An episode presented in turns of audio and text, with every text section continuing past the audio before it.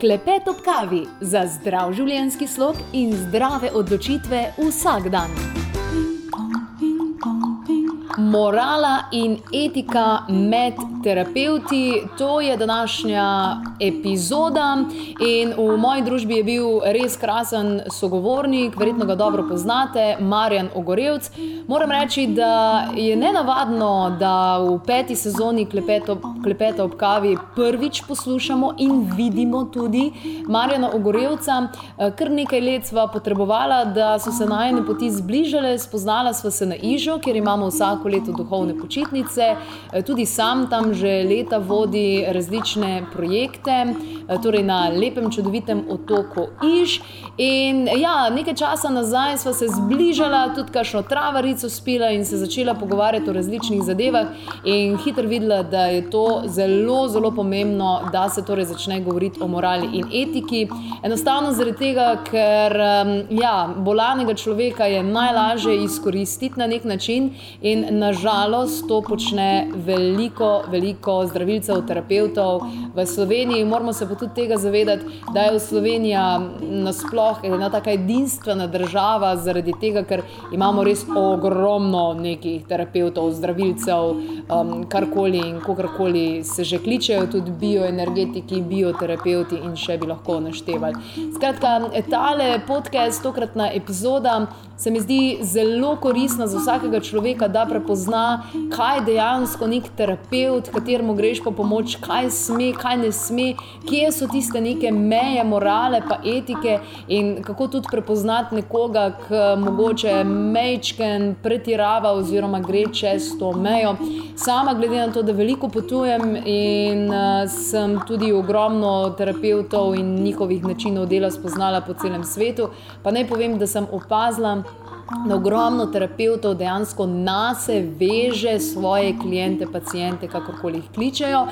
In ta navezanost jim pravzaprav omejuje to, da oni lahko zares zaživijo, brez da bi tega terapevta potrebovali, da jim da neko šus energije ali karkoli pač že.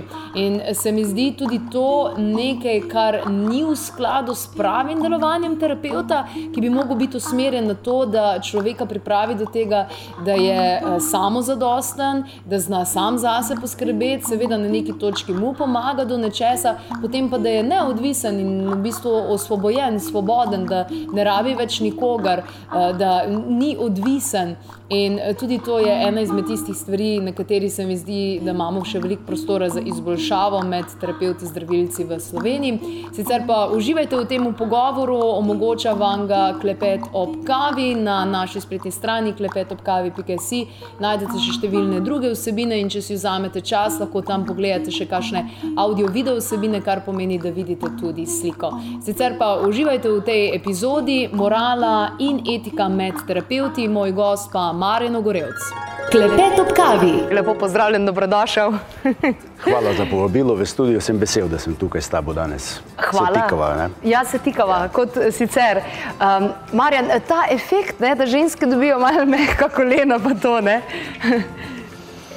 Ja, ne gre za lepoto, ampak gre za to, da ženske čutijo energijo, da ženske imajo rade nekaj, kar je mistično, neznano, za njih nedosegljivo in to jih vleče. To jih vleče. Ja, to Zelo vleče. preprosto, Ja, ja, razumno. ja. Ampak ego pa tudi malo poboža. Ja, seveda, pa sej ego moram z nečim nahraniti, ne moremo dati krompirja jesti, ampak pohvale in take zadeve. Super. Danes imamo, se mi zdi, da zelo pomembno tematiko eh, za vse tiste, ki se ukvarjajo eh, na način, da pomagajo ljudem. Se pravi, za vse neke terapevte, zdravilce in se mi zdi, da v zadnjem obdobju kar rastejo, ko gobe podržijo. Kako sam gledaš na to, glede na to, da že dolgo, dolgo časa ustvarjaš v Sloveniji, zdaj pa res eh, ogromno je nekih novih ljudi, ki delujejo pod različnimi imeni, ali so bioterapeuti, ali bioenergetiki, ali energoterapeuti, ali ne vem, kaj vse so že naredili.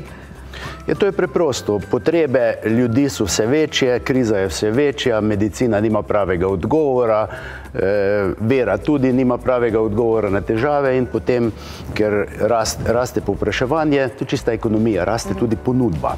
In nas je zelo veliko in hvala Bogu, da nas je veliko, da lahko zadovoljimo potrebe ljudi na vseh ravneh. Torej, tudi noben zdravilec ni slab ali dober, ampak je samo uh, prilagojen tistemu, kar on dela, torej tudi ljudem, ki mu prihajajo in tisti ljudje, ki so na visoki ravni zavesti, tisti potrebujejo zdravilce, ki so zelo usposobljeni na visoki ravni zavesti, tisti, ki so na nizki ravni zavesti, tisti pa potrebujejo zdravilce, ki morda tudi ne obvladajo svojih zadev. Tudi tisti ljudje, ki pravzaprav imajo slab odnos do tega, potrebujejo nekoga sebi primernega, tako da vsi zdravilci smo v redu. Mhm. Se pravi, zmeri dobiš to, kar rabiš. Točno to. Dobiš tisto, kar ustreza tvojemu, tvojim stališčem, tisto, kar ti si, tako kot razmišljaš, eh, tvoja prepričanja, vedno od zunaj dobiš takšnega zdravilca ali terapeuta za pomoč. Danes bomo govorili o morali in etiki pri tem delu. Tudi eh, zelo krasno si pravzaprav pripravil določene stvari, ki si jih človek naj ne bi dovolil eh, na obeh straneh, ampak še predtem moramo pa temelje postaviti. In ti ja. temelji so pravzaprav veliko se govori o izrazu celostni holistični pristop. Kaj to pravzaprav sploh označuje? Torej, jaz bom povedal, kaj, kako to jaz vidim. Torej, če gledamo celostno holistično iz vidika nastanka bolezni, torej ljudje smo eh, telesna, energijska in duhovna bitja, torej tudi vzroki za težave nastanejo lahko na vseh teh ravneh, čeprav se vsi tega ne zavedamo. In tudi rešitve za naše težave imamo na telesni ravni, medicina torej ureja simptomatsko na telesni ravni, potem na energijski ravni eh, urejajo torej vse vrste terapij, ki se ukvarjajo z urejanjem energij, vendar če v primeru, če ne najdemo vzroka za težave, je lahko energijsko zdravljenje tudi simptomatsko zdravljenje ali poenostavljeno na mesto aspirina dobimo ezoterični aspirin. In seveda na duhovni raven, tukaj duhovno, po duhovno raven v tem kontekstu razumem kot odnos do vsega, torej odnos do sebe, odnos do družine, do družbe, do zemlje, do absolutnega. Torej ta odnos eh, nas opredeli nekako kot duhovne. In jaz pravim, da duhovno ni tisto, s čimer se ukvarjaš, ampak odnos do tistega, s čimer se ukvarjaš. Torej duhovni je lahko čisto vsak, ne glede na to, kakšno delo upravlja. Pa ne glede na to, a ve, kaj so čakre, pa aura, pa ne, ne vem, kaj že sebe. Tega sploh ne potrebujemo. E, kaj so čakre in e, torej, m, to znanje o čakrah potrebujemo mi zdravilci, terapeuti, da znamo e, postaviti diagnostiko, da, torej, da določimo bolezen, ki je nastala. Če se vrnem nazaj k celostnemu pristopu, torej celostni pristop je tudi v, torej kadar se odločimo reševati probleme, torej bodi si zdravstvene v odnosih, potem je celostno gledano potrebno, da nekaj naredi medicina, mhm. tisto, za kar je ona usposobljena, kar je v skladu z njeno doktrino, da nekaj naredijo bioterapeuti in da nekaj naredijo tisti, ki se ukvarjajo s tem, da najdejo vzroke za težave. To je celostni pristop. To je celostni. Potem celostni pristop je tudi, če gledamo časovno, kdaj so nastale nastali vzroki za težave, torej nekateri vzroki so nastali tako, da smo jih prevzeli od staršev, težave prevzeli od staršev, mhm. nekatere vzroke za težave smo prinesli tudi iz prejšnjih življenj in en del, večji del vzrokov smo si pridelali torej v toku tega življenja. Že v času bivanja v maternici, pa potem torej porod v štirih fazah, s čimer se ukvarja transpersonalna psihologija tudi in potem seveda v toku življenja odraščanje, vzgoja in vse to. In torej, za, torej tako, gleda, ko tako gledamo, potem je tveganje, da ne bomo rešili problema, manjše. Seveda, vedno moramo se zavedati, da je da gre vedno za proces samozdravljenja in nišče ne zdravi, niti zdravnik, niti terapeut, mi samo pomagamo k temu, da se sproži proces samozdravljenja, torej zdravnik z tistim, kar ima na voljo, diagnostiko, fizioterapijo, zdravili in tako naprej, bioterapeuti s tem, da podpremo energijsko proces, eh, da pripeljemo na nek način energijo, kajti spremembo lahko človek naredi samo takrat, kadar ima presežek energije. Torej, človek, običajni človek, ki so ves potencial energije porabi za življenje, za preživljanje, bi lahko rekli, ta nima dovolj energije, da bi naredil spremembo. Zato ga jo mora dobiti nekje od zunaj. Se pravi, gre po moč, po pomoč. Gre po, po moč, ja. Moč. Po moč, ja. ja. po moč. Kaj je fajna slovenščina? Ja. Uh, kako se ti zdi, da v Sloveniji ta celostni pogled deluje v praksi. Po svetu vidimo veliko dobrih praks, kjer zdravniki sodelujejo, iz terapeuti, iz, iz nutricionisti, iz ne vem, vsemi možnimi.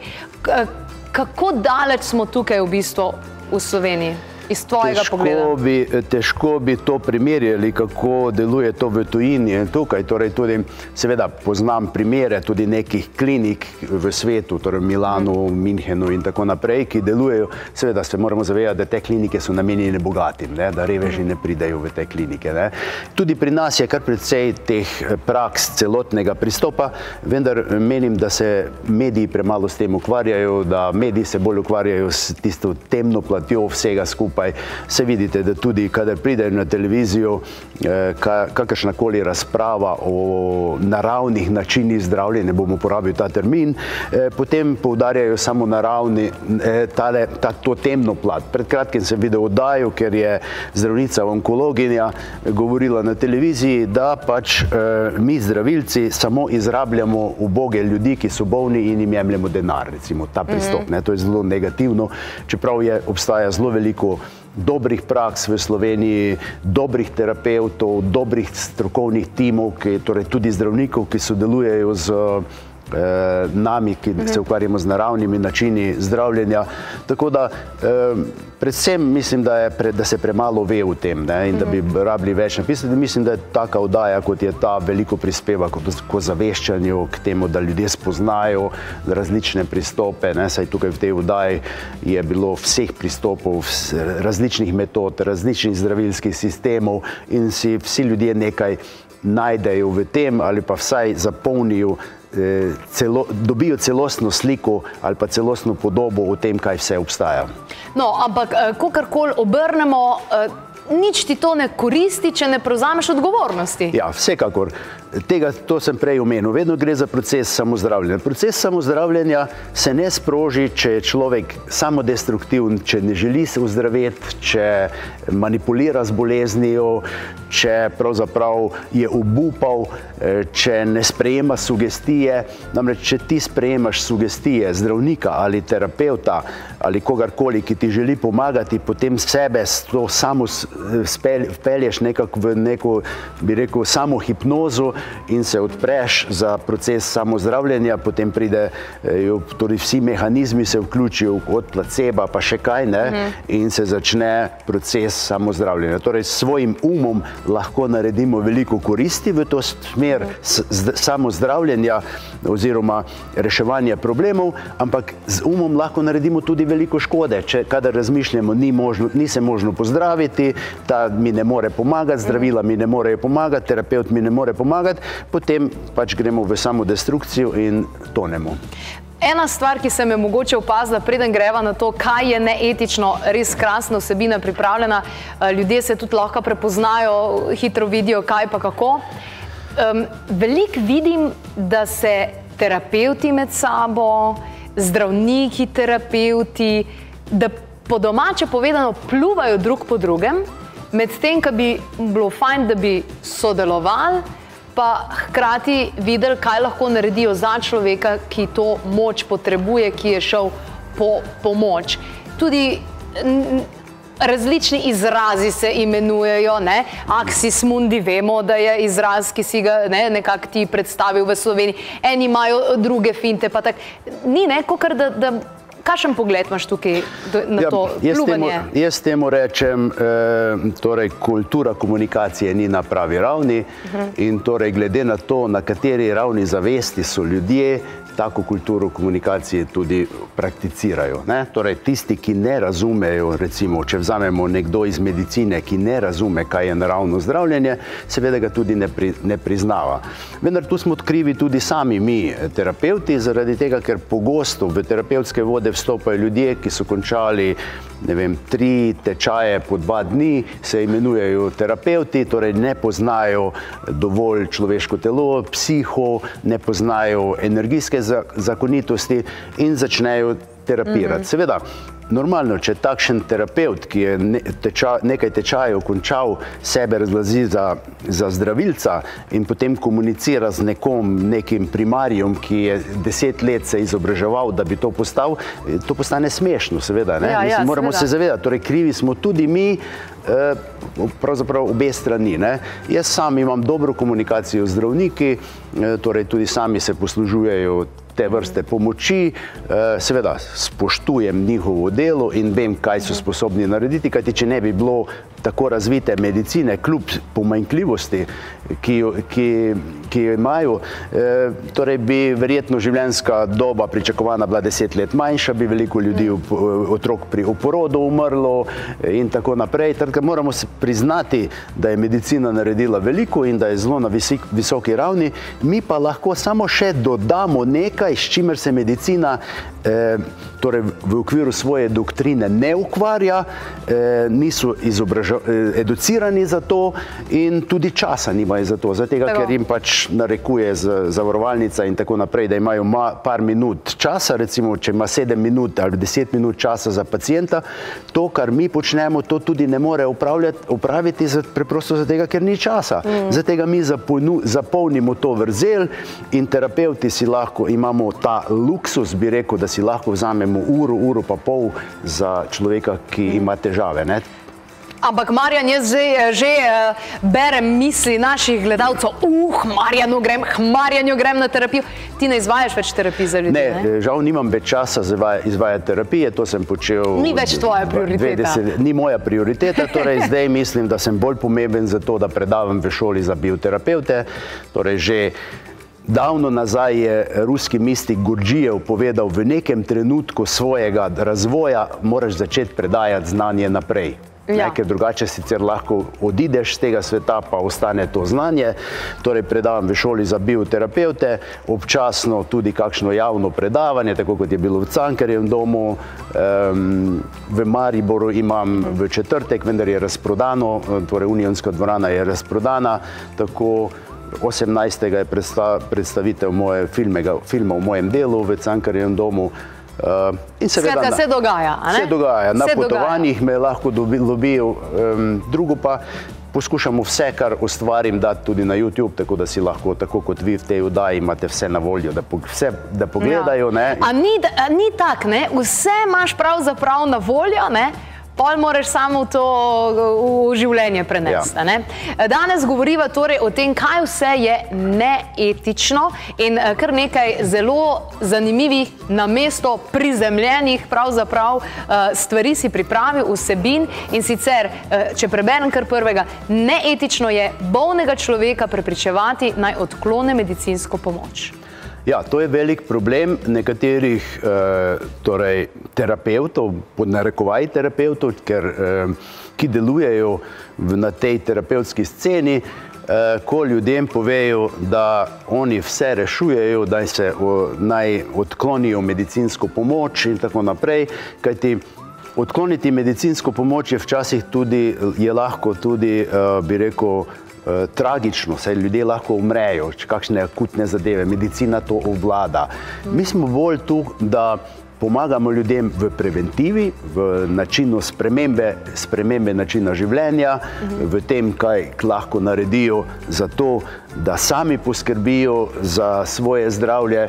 In včasih celo, jaz celo razmišljam, čeprav je to čudno razmišljanje, da še dobro, da medicina ni stoprocentno uspešna, ker potem ne bi rabili toliko narediti za sebe. Zdaj pa, ker medicina mhm. nis, ne, ne zmore, kot smo rekli prej, opraviti vsega dela, potem se moramo sami začeti ukvarjati s tem, sami prevzemati odgovornost, sami poiskati pomoč, sami se izobraževati. Skratka, veliko tega je. Tako da absolutno tudi v šoli eh, za bioterapeute, v kateri poučujem, absolutno zahtevam od učencev, da razmišljajo v tem smeru. Prvo, da, medici, da mora imeti eh, bolnici mora pridobiti medicinsko diagnozo, eh, mora sprejeti medicinsko zdravljenje in da tudi eh, na nek način eh, terapeuti, ni, če nismo zdravniki, nikoli in zares nikoli nimamo pravice postavljati medicinske diagnoze. Tudi če vidiš, namreč mi, ki smo usposobljeni za to, mi lahko vidimo, ali ima nekdo žolčne kamne, jih vidiš lahko, ne? Uh -huh. Torej, preveriš 100%, potem lahko samo bolnega napotiš na to, da gre na ultrazvok, da preveri. Da preveri. Da preveri. Torej, to velja, v tem našem svetu velja to tisto, kar preveriš in medicina lahko preveri. Ampak veliko bioterapeutov niti ve, kje je žolč. Ja, to je pomanjkljivost tega, ne, torej, ker se ne izobražujejo. Torej, že samo izob, v šoli, v kateri predavam, torej, imamo dve leti predavanj uh, in takrat se komaj usposobijo terapeuti za to, da začnejo samostojno raziskovati, da se začnejo izobraževati za res, da začnejo torej, tudi praktično seveda delati, ampak to je samo prvi korak v smeri terapevtskega dela. Kaj pa, če pomislimo, da je nekdo končal vikend tečaj in je terapeut? Ne? Eh, Marjan, zelo si me navdušil, ko smo se na Ižu pogovarjali, ker si rekel, da ti še vedno vsak dan skoraj nameniš temu, da se izobražuješ. Ja, seveda, to je. To je nekaj, kar je za mene povsem normalno. Torej, berem eh, nove knjige, nove pristope, sam raziskujem v dolgih meditacijah, poskušam priti do nekih spoznanj. In mislim, da sem zdaj v 65. letu starosti, da sem zdaj najbolj sposoben v življenju. Torej, možgani mi najbolj delajo, telesno sem zdrav, mhm. torej, najbolj produktiven v družbi. Ne? In Tako da mislim, da ta, bi rekel, to prepričanje, da človek potem, ko gre v ko se upokoji, da pešajo možganske funkcije, da telesne pe funkcije pešajo, mislim, to je neumnost preprosto. Ker... Prav, Marjan, na zdravje. Zapisal si tudi, neetično je, da zdravilec bolnemu človeku reče, da učinkuje sam njegova metoda, nič druga, sam tole ti bo pomagal na tem svetu. Ja, to je, to je veliko krat, uh, to je veliko krat sporno ravno zaradi tega, ker zdravilci, spet se, spet se vračam na to, nizk, ki so na nizki ravni zavesti, se naučijo neke metode in se tega držijo kot, bi rekel, pijan plota. In potem zagovarjajo samo svojo metodo, nimajo te širine, se ne zavedajo omejenosti metode. Namreč vsaka metoda nas slejko prej omejuje. Vsaka uh mhm. -huh. metoda, za tega potrebno imeti širino, spoznaš več metod in potem nadgradiš vse skupaj, eh, da povežeš različne metode, integriraš to v nek svoj pristop in, in to je to. Sam sem včasih mislil, da je potrebno recimo karmično diagnostiko izpopolniti kot metodo, danes se zavedam, da metoda karmične diagnostike sploh ni pomembna, ampak da so pomembni principi, po katerih delujemo, potem pa na podlagi teh principov tisti, ki razumejo, lahko mm. sami sestavijo svoj pristop. Mhm. Eh, na svojih potovanjih sem zelo, zelo veliko krat ugotovila oziroma našla tudi ljudi, ki so bili doktori alternativne medicine in vse ostalo, tudi o tem bova govorila v nadaljevanju. Poleg tega pa še vse ostale nasvete, ki si jih pravzaprav pripravil in ima, da vsi to pogledajo ne? na tak in drugačen način, ki se ukvarjajo s tem. Mi dva torej nadaljujeva v nadaljevanju, ostanite v naši družbi. Klepet ob kavi. Marjan Gorevci je danes v moji družbi in govoriva o tem, kaj vse je neetično. Že sva torej naštela, neetično je bolnega človeka prepričevati naj odkloni medicinsko pomoč, da zdravilec bolnemu reče, da deluje sam tis, kar mu on lahko ponudi in nič drugega na svetu, ljudi tudi zavajati z uporabo naziva doktor alternativne medicine medicine. Tega je kar dosti, se mi zdi, da po tujini, pa naš še ni tukaj tega. Ne? Ta naziv, doktor alternativne medicine, je včasih bi rekel, bi uporabil besedo nehigijensko uporabljati doktor, uh -huh. če mhm. si bil nekaj mesecev na tečaju na Šrilanki ali uh -huh. pa mhm. kje. Vendar, eh, verjetno ego teh ljudi to potrebuje in mislijo, ljudje pa še vedno padajo na to doktor. Ne? In uh mhm. -huh. potem seveda je to bi rekel, na trgu imajo neko prednost pred tistimi, ki morda tega naziva nimajo. Uh, ampak kdo sem jaz, da sodim. Ne? Uh, meni se samo zdi, da, da to ni povsem prav. Uh, zakaj to lahko uporabljajo v naši državi? Zato, ker to ni povsem regulirano, ne? ker se nišče ne obrekne v to. Uporabljajo dejansko tudi pri nas, doktor. Ja, ja, ja, ja se, uporablja, se uporablja tako, ne bi našteval tiste, ki to uporabljajo. In, uh, vendar uporabljajo tudi, poznam primere, recimo, ko je nekdo zdravilec za srednjo šolo šel na Šrilanko nekaj mesecev in je prišel z doktoratom nazaj. Ne? Mislim, to je malo neresno. Ne? Ja. E, da, ja. Ampak. Dobro. Ja. Fajn, da vemo, ozaveščamo. Ljudje pa radi to vidijo, da ima nekdo doktor. Ne? Definitivno. Ja. Po tisto, kar je neetično, je navedeno tudi, da rečeš človeku, ki išče pri tebi pomoč, da mu ni pomoči. Ja, seveda, tu, tu je v igri torej, tako imenovani nocebo. Če ti nekomu, torej, če, če te sprejme kot avtoriteto, ti zaupa, torej sprejema tvoje sugestije in mu ti poveš, tebi ni več pomoči, on sprejme to sugestijo in se začne samo destrukcija. Kontra od torej, placeba. Kontra od placeba se začne samo destrukcija in uh, torej. Lahko bi, bi rekli, da ljudje potem še hujše zbolijo, če jim povemo, da ni pomoči. Uh mhm. Tako da to je, to je za mene, kar se mene tiče, zelo sporno. Pravilno bi bilo reči eh, ljudem, uh, jaz ti ne morem več pomagati, uh -huh. pojdi k nekomu drugemu. Ravno tako se mi zdi, da bi bilo veliko krat prav, če bi zdravnik povedal, medicina ti ne more več pomagati, torej sedaj pa poišči še druge alternativne vire pomoči in takrat bi ljudje povsem, bi rekel, drugače razmišljali o svojem zdravju. Ne se, kot zaključek, ne? Ne kot zaključek, ampak nekaj, kar seveda iz tega zornega kota, da imamo, oziroma če sprejmemo koncept, da imamo več življenj, potem je zdravljenje smiselno tudi do zadnjega trenutka, čeprav ni več rešitve za telo, vendar. Če se malo pesniško izrazil, pozdravimo dušo in v naslednje življenje štartamo čisto, iz čisto druge ravni, kot če bi štartali, da smo zelo bolni in zelo neozaveščeni, umrli, morda še jezni, užaljeni, Eh, depresivni, potem se taki tudi rodimo ne? in štartamo v naslednje življenje tam, kjer smo ostali mm. pred smrtjo. Neetično je tudi tole lepo zapisano bolnemu človeku govoriti, da določena metoda čaje pri pomočki močna energijska mesta zdravijo točno določene bolezni. Ja, tu sem predvsem mislil na to, da torej, pogosto opažam, po Sloveniji je to kar vzelo maha, da nekdo najde močna energijska mesta, bodi si v svojem dvorišču, bodi si okrog hotela ali pa nekde, mm. nekje v gozdu, potem pripeljejo nekoga, ki e, uporablja nihalo in ta določi, naprimer, navajam samo en tak primer, e, na tem mestu se jetra pozdravijo 23%, na tem mestu se m, želodec pozdravi 85%, na tem mestu pozdravite migreno, e, to je malo čudno, ne? Namreč, mm. e, in pa tam, kaj srce ja, je zmer gužva, ne? Izhajam iz te, ja, torej veliko bolnih na srcu, tudi zaradi ljubezni, ne, seveda, na to si mislila. Ja.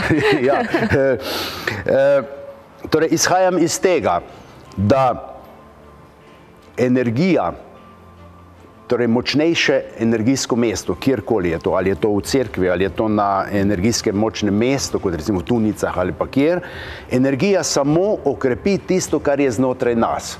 Torej, če smo usmerjeni v iskanje vzrokov in razreševanje, vam bo ta energija pomagala to uzavestiti, pomagala nam bo reševati težave. Če smo samo destruktivni, potem vam bo ta energija pomagala, da smo še bolj samodestruktivni. Ali drugače povedano v prispodobi. Samo potencira. Ja, torej bolni človek, če bi ga, če bi ga primerjali z avtomobi, vožnje avtomobila, torej bolni človek je obrnil malo volan v desno in se pelje proti grabi. In zdaj išče pomoč, brez da se najde vzrok. Torej, vzrok je, da mora zravnati volan, e, če ga pa nekdo porine, bo še prej v grabi. Torej, sama energijska mesta te ne morejo pozdraviti, lahko pa prispevajo k temu, zaradi viška energije, ki jo dobiš, da lažje ozaveščaš in da lažje narediš spremembo. V tem je problem. Ne? Tako da bi morali biti te previdni, ko to označujejo, ali pa nasplošno, eh, ko sliši, vidiš oglase, eh, na tem mestu se boste povsem pozdravili. Ne? To je malo čudno. -hmm. e, tako da, e, kar se mene tiče, to ni sprejemljivo. Se pravi, greš si nafilat baterije na polno, pa še mal, zato da boš lahko z prevzemom odgovornosti naredil zavestne ja, ja, odločitve ja, v svojem ja. življenju. Torej, katerakoli metoda, če ima v, vključeno v to ozaveščanje, eh, iskanje vzrokov za težave in spremenju življenjskega sloga, torej tudi prehrane, tudi eh, več spanja, tudi eh, telesne vaje in tako naprej. Torej, vsaka metoda je lahko dobra. Mm. Mi, mi, na primer, se lahko povežemo, eh, kot re, recimo si omenila Axis Mundi, se lahko povežemo zgoraj na izvor in prizemljimo in smo eh, v večjem pretoku energije. Vendar, če ne skrbimo za telo, lahko bi rekli, da je naše telo televizijski sprejemnik, ki, lahko, ki sprejema te, to energijo, te informacije. In zdaj, če naprimer, mi imamo lahko najboljše TV oddaje, vendar če imamo doma črno-beli televizor, to je naše telo, uh -huh. ki ne more sprejeti HD kvaliteto, potem to nič ne velja. Torej, moramo poskrbeti za telo, eh, od, tist, od prehrane s fizičnimi vajami in vse tisto, skratka, kar Ker gre. ljudje radni grejo v terapeutu, ne, da bo to vse on mal z rokom pomahal, pa zamahal, pa pol, on ne bo rabu, ne, dovolj spat, pa dovolj vode pit, pa skrbeti za svoje telo, ja. pa te scene. Ne. Se mi zdi, da je človek kar usmerjen tem, da neke bližnjice išče. Ja, mi Radi, mi radi torej, razmišljajo v smeri, torej drugi so krivi za naše težave, okolje je krivo za naše mhm. težave in potem iz tega izhaja tudi, da, da so drugi dolžni poskrbeti za reševanje teh držav, torej zdravnik, psiholog, družba, država, mhm. vsi naj bi poskrbeli za naše težave, ne prevzemamo pa odgovornost za to, da smo prispevali k temu, da so nastale naše težave, torej zdravstvene odnosi in vse to skupaj, in da tudi lahko sami tvorno, z tvornim sodelovanjem prispevamo k temu, da bodo bolj učinkoviti zdravniki, da bodo bolj učinkoviti terapeuti, brez tega preprosto ne gre. Hmm. Kot neetično je navedeno tudi vnaprej določiti število terapij za popolno pozdravitev, ozdravitev. Se pravi, šestih rabiš in to je to. Ja, eh, izhajam iz svoje prakse in vem, da sem tudi sam v začetnih eh, fazah eh, svojega terapijskega dela, torej to, so, to je bilo obdobje otrošk, mojih otroških bolezni v, ter, v delovanju kot terapeuta, da sem včasih mislil, da nekdo rabi deset terapij, pa je potem uh, se je izkazalo, da je, tako, da je naredil tako velike spremembe, toliko se je tega zgodilo, da rabi samo dve ali tri. Ja, pa če ne? že za deset plačo, ne? Ja, vendar je fajn, je, gledajte, zdaj, zdaj bom pa mal ciničen, mal bom zloben do tistih terapeutov, ki se, ki se s tem ukvarjajo na tak način.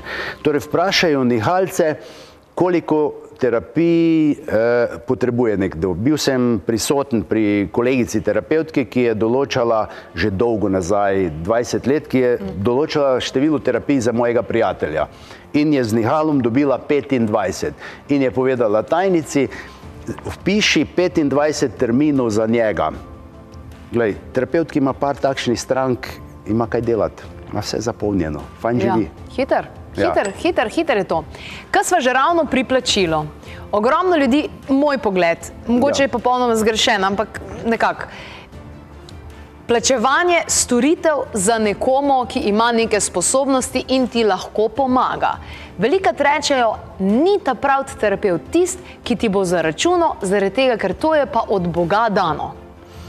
Ja, se, gledaj. Jaz na to gledam tako. Tudi tisti, ki polaga ploščice, ki dobro dela, ima od Boga dano to sposobnost. A on dela za stojn? Ne.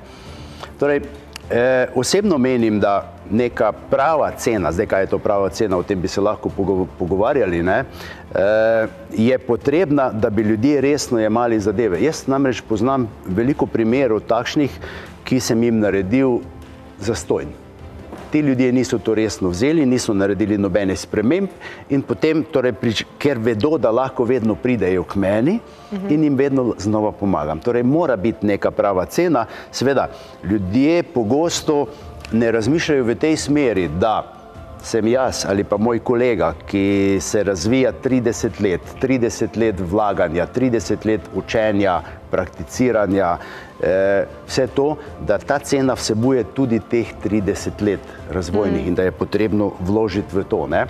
In mm. uh, vsaj, če nič drugega, cena tako zahtevne terapije, kot je karmična diagnostika, ker se iščejo vzroki, ker se ljudi vodi skozi proces, bi morala biti vsaj dvakrat večja od masaže. Mm -hmm. Torej, masaža je fizično naporna za terapeuta, vendar masaža ne potrebuje toliko znanja, ne potrebuje toliko veščin in sposobnosti mm skomunicirati, najti vzroke in jih pomagati razrešiti. No, na to se bo zih do obesil, ampak kar naj se.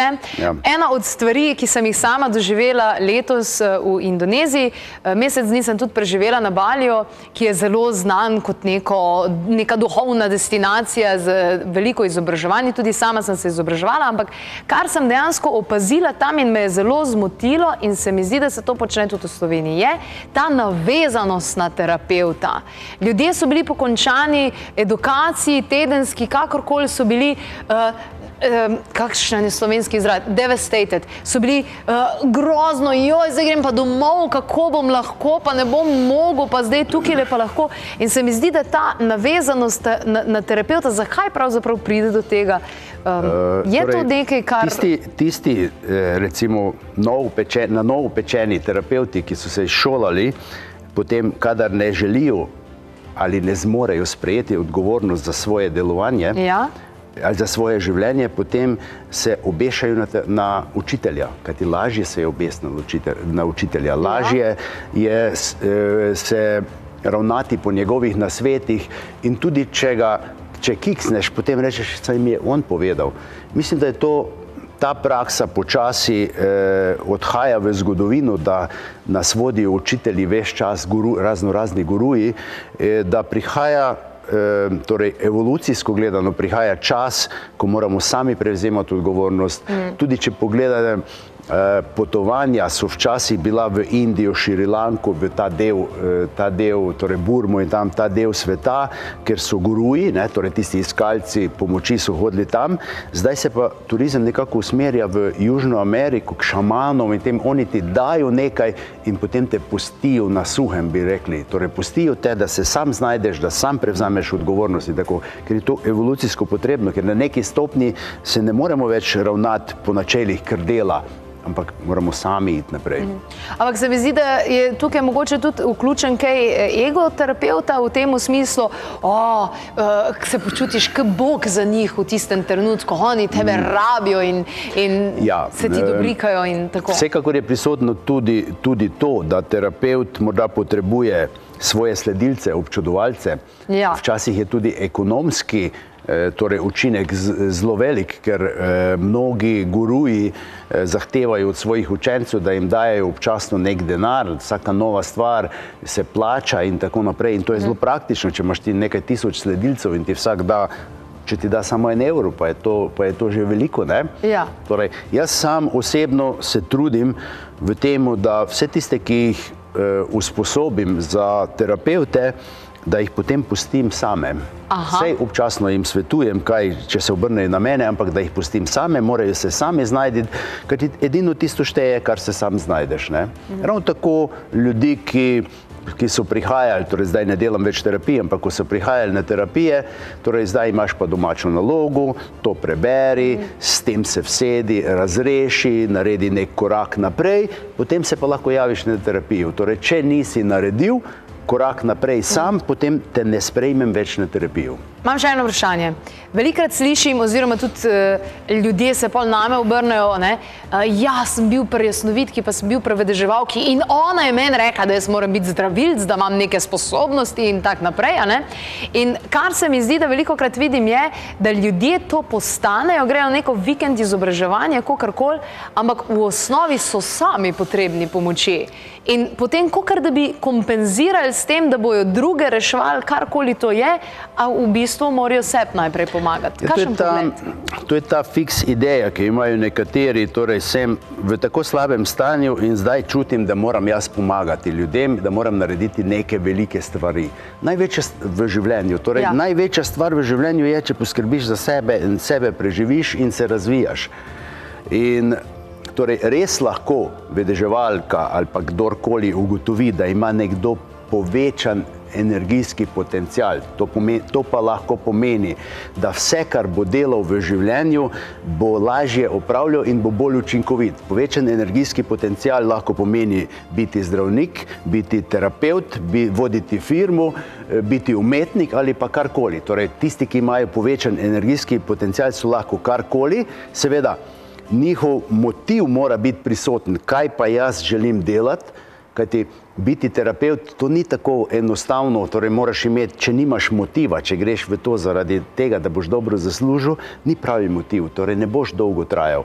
Mora biti motiv, ta naboj moraš imeti, to je, ta, to je tisti naboj v telesu, jaz to čutim kot ko psu rečeš, zdaj gremo pa na sprehod, ko se trese od, od tistega naboja. Tako sem jaz včasih tresem, sem znemirjen, da bom danes se nekaj novega naučil, da bom uh, pregledal neko metodo, da bom uh, v meditaciji poiskal nek nov mhm. pristop.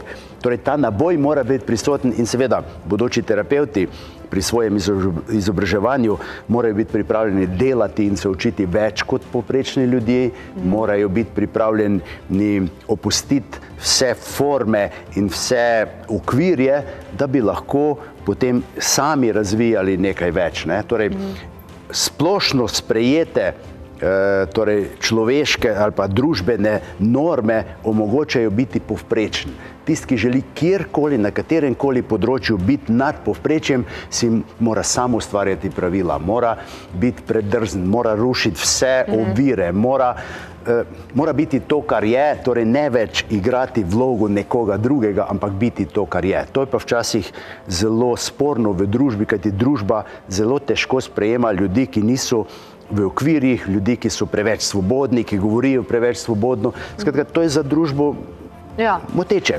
Marjan, terapeut, bioterapeut, zdravilec, kakorkoli. Ali se tako rodiš, ali to lahko postaneš? Torej, je to izbira ali je danost? Torej, najprej je to danost, tako kot za vsako vrhunsko zadevo. Najprej je to danost. Če imaš danost, recimo, da je to 90% tega, da moraš imeti danost, potem se moraš pa zelo veliko učiti in pripravljati in to sprejeti in razvijati.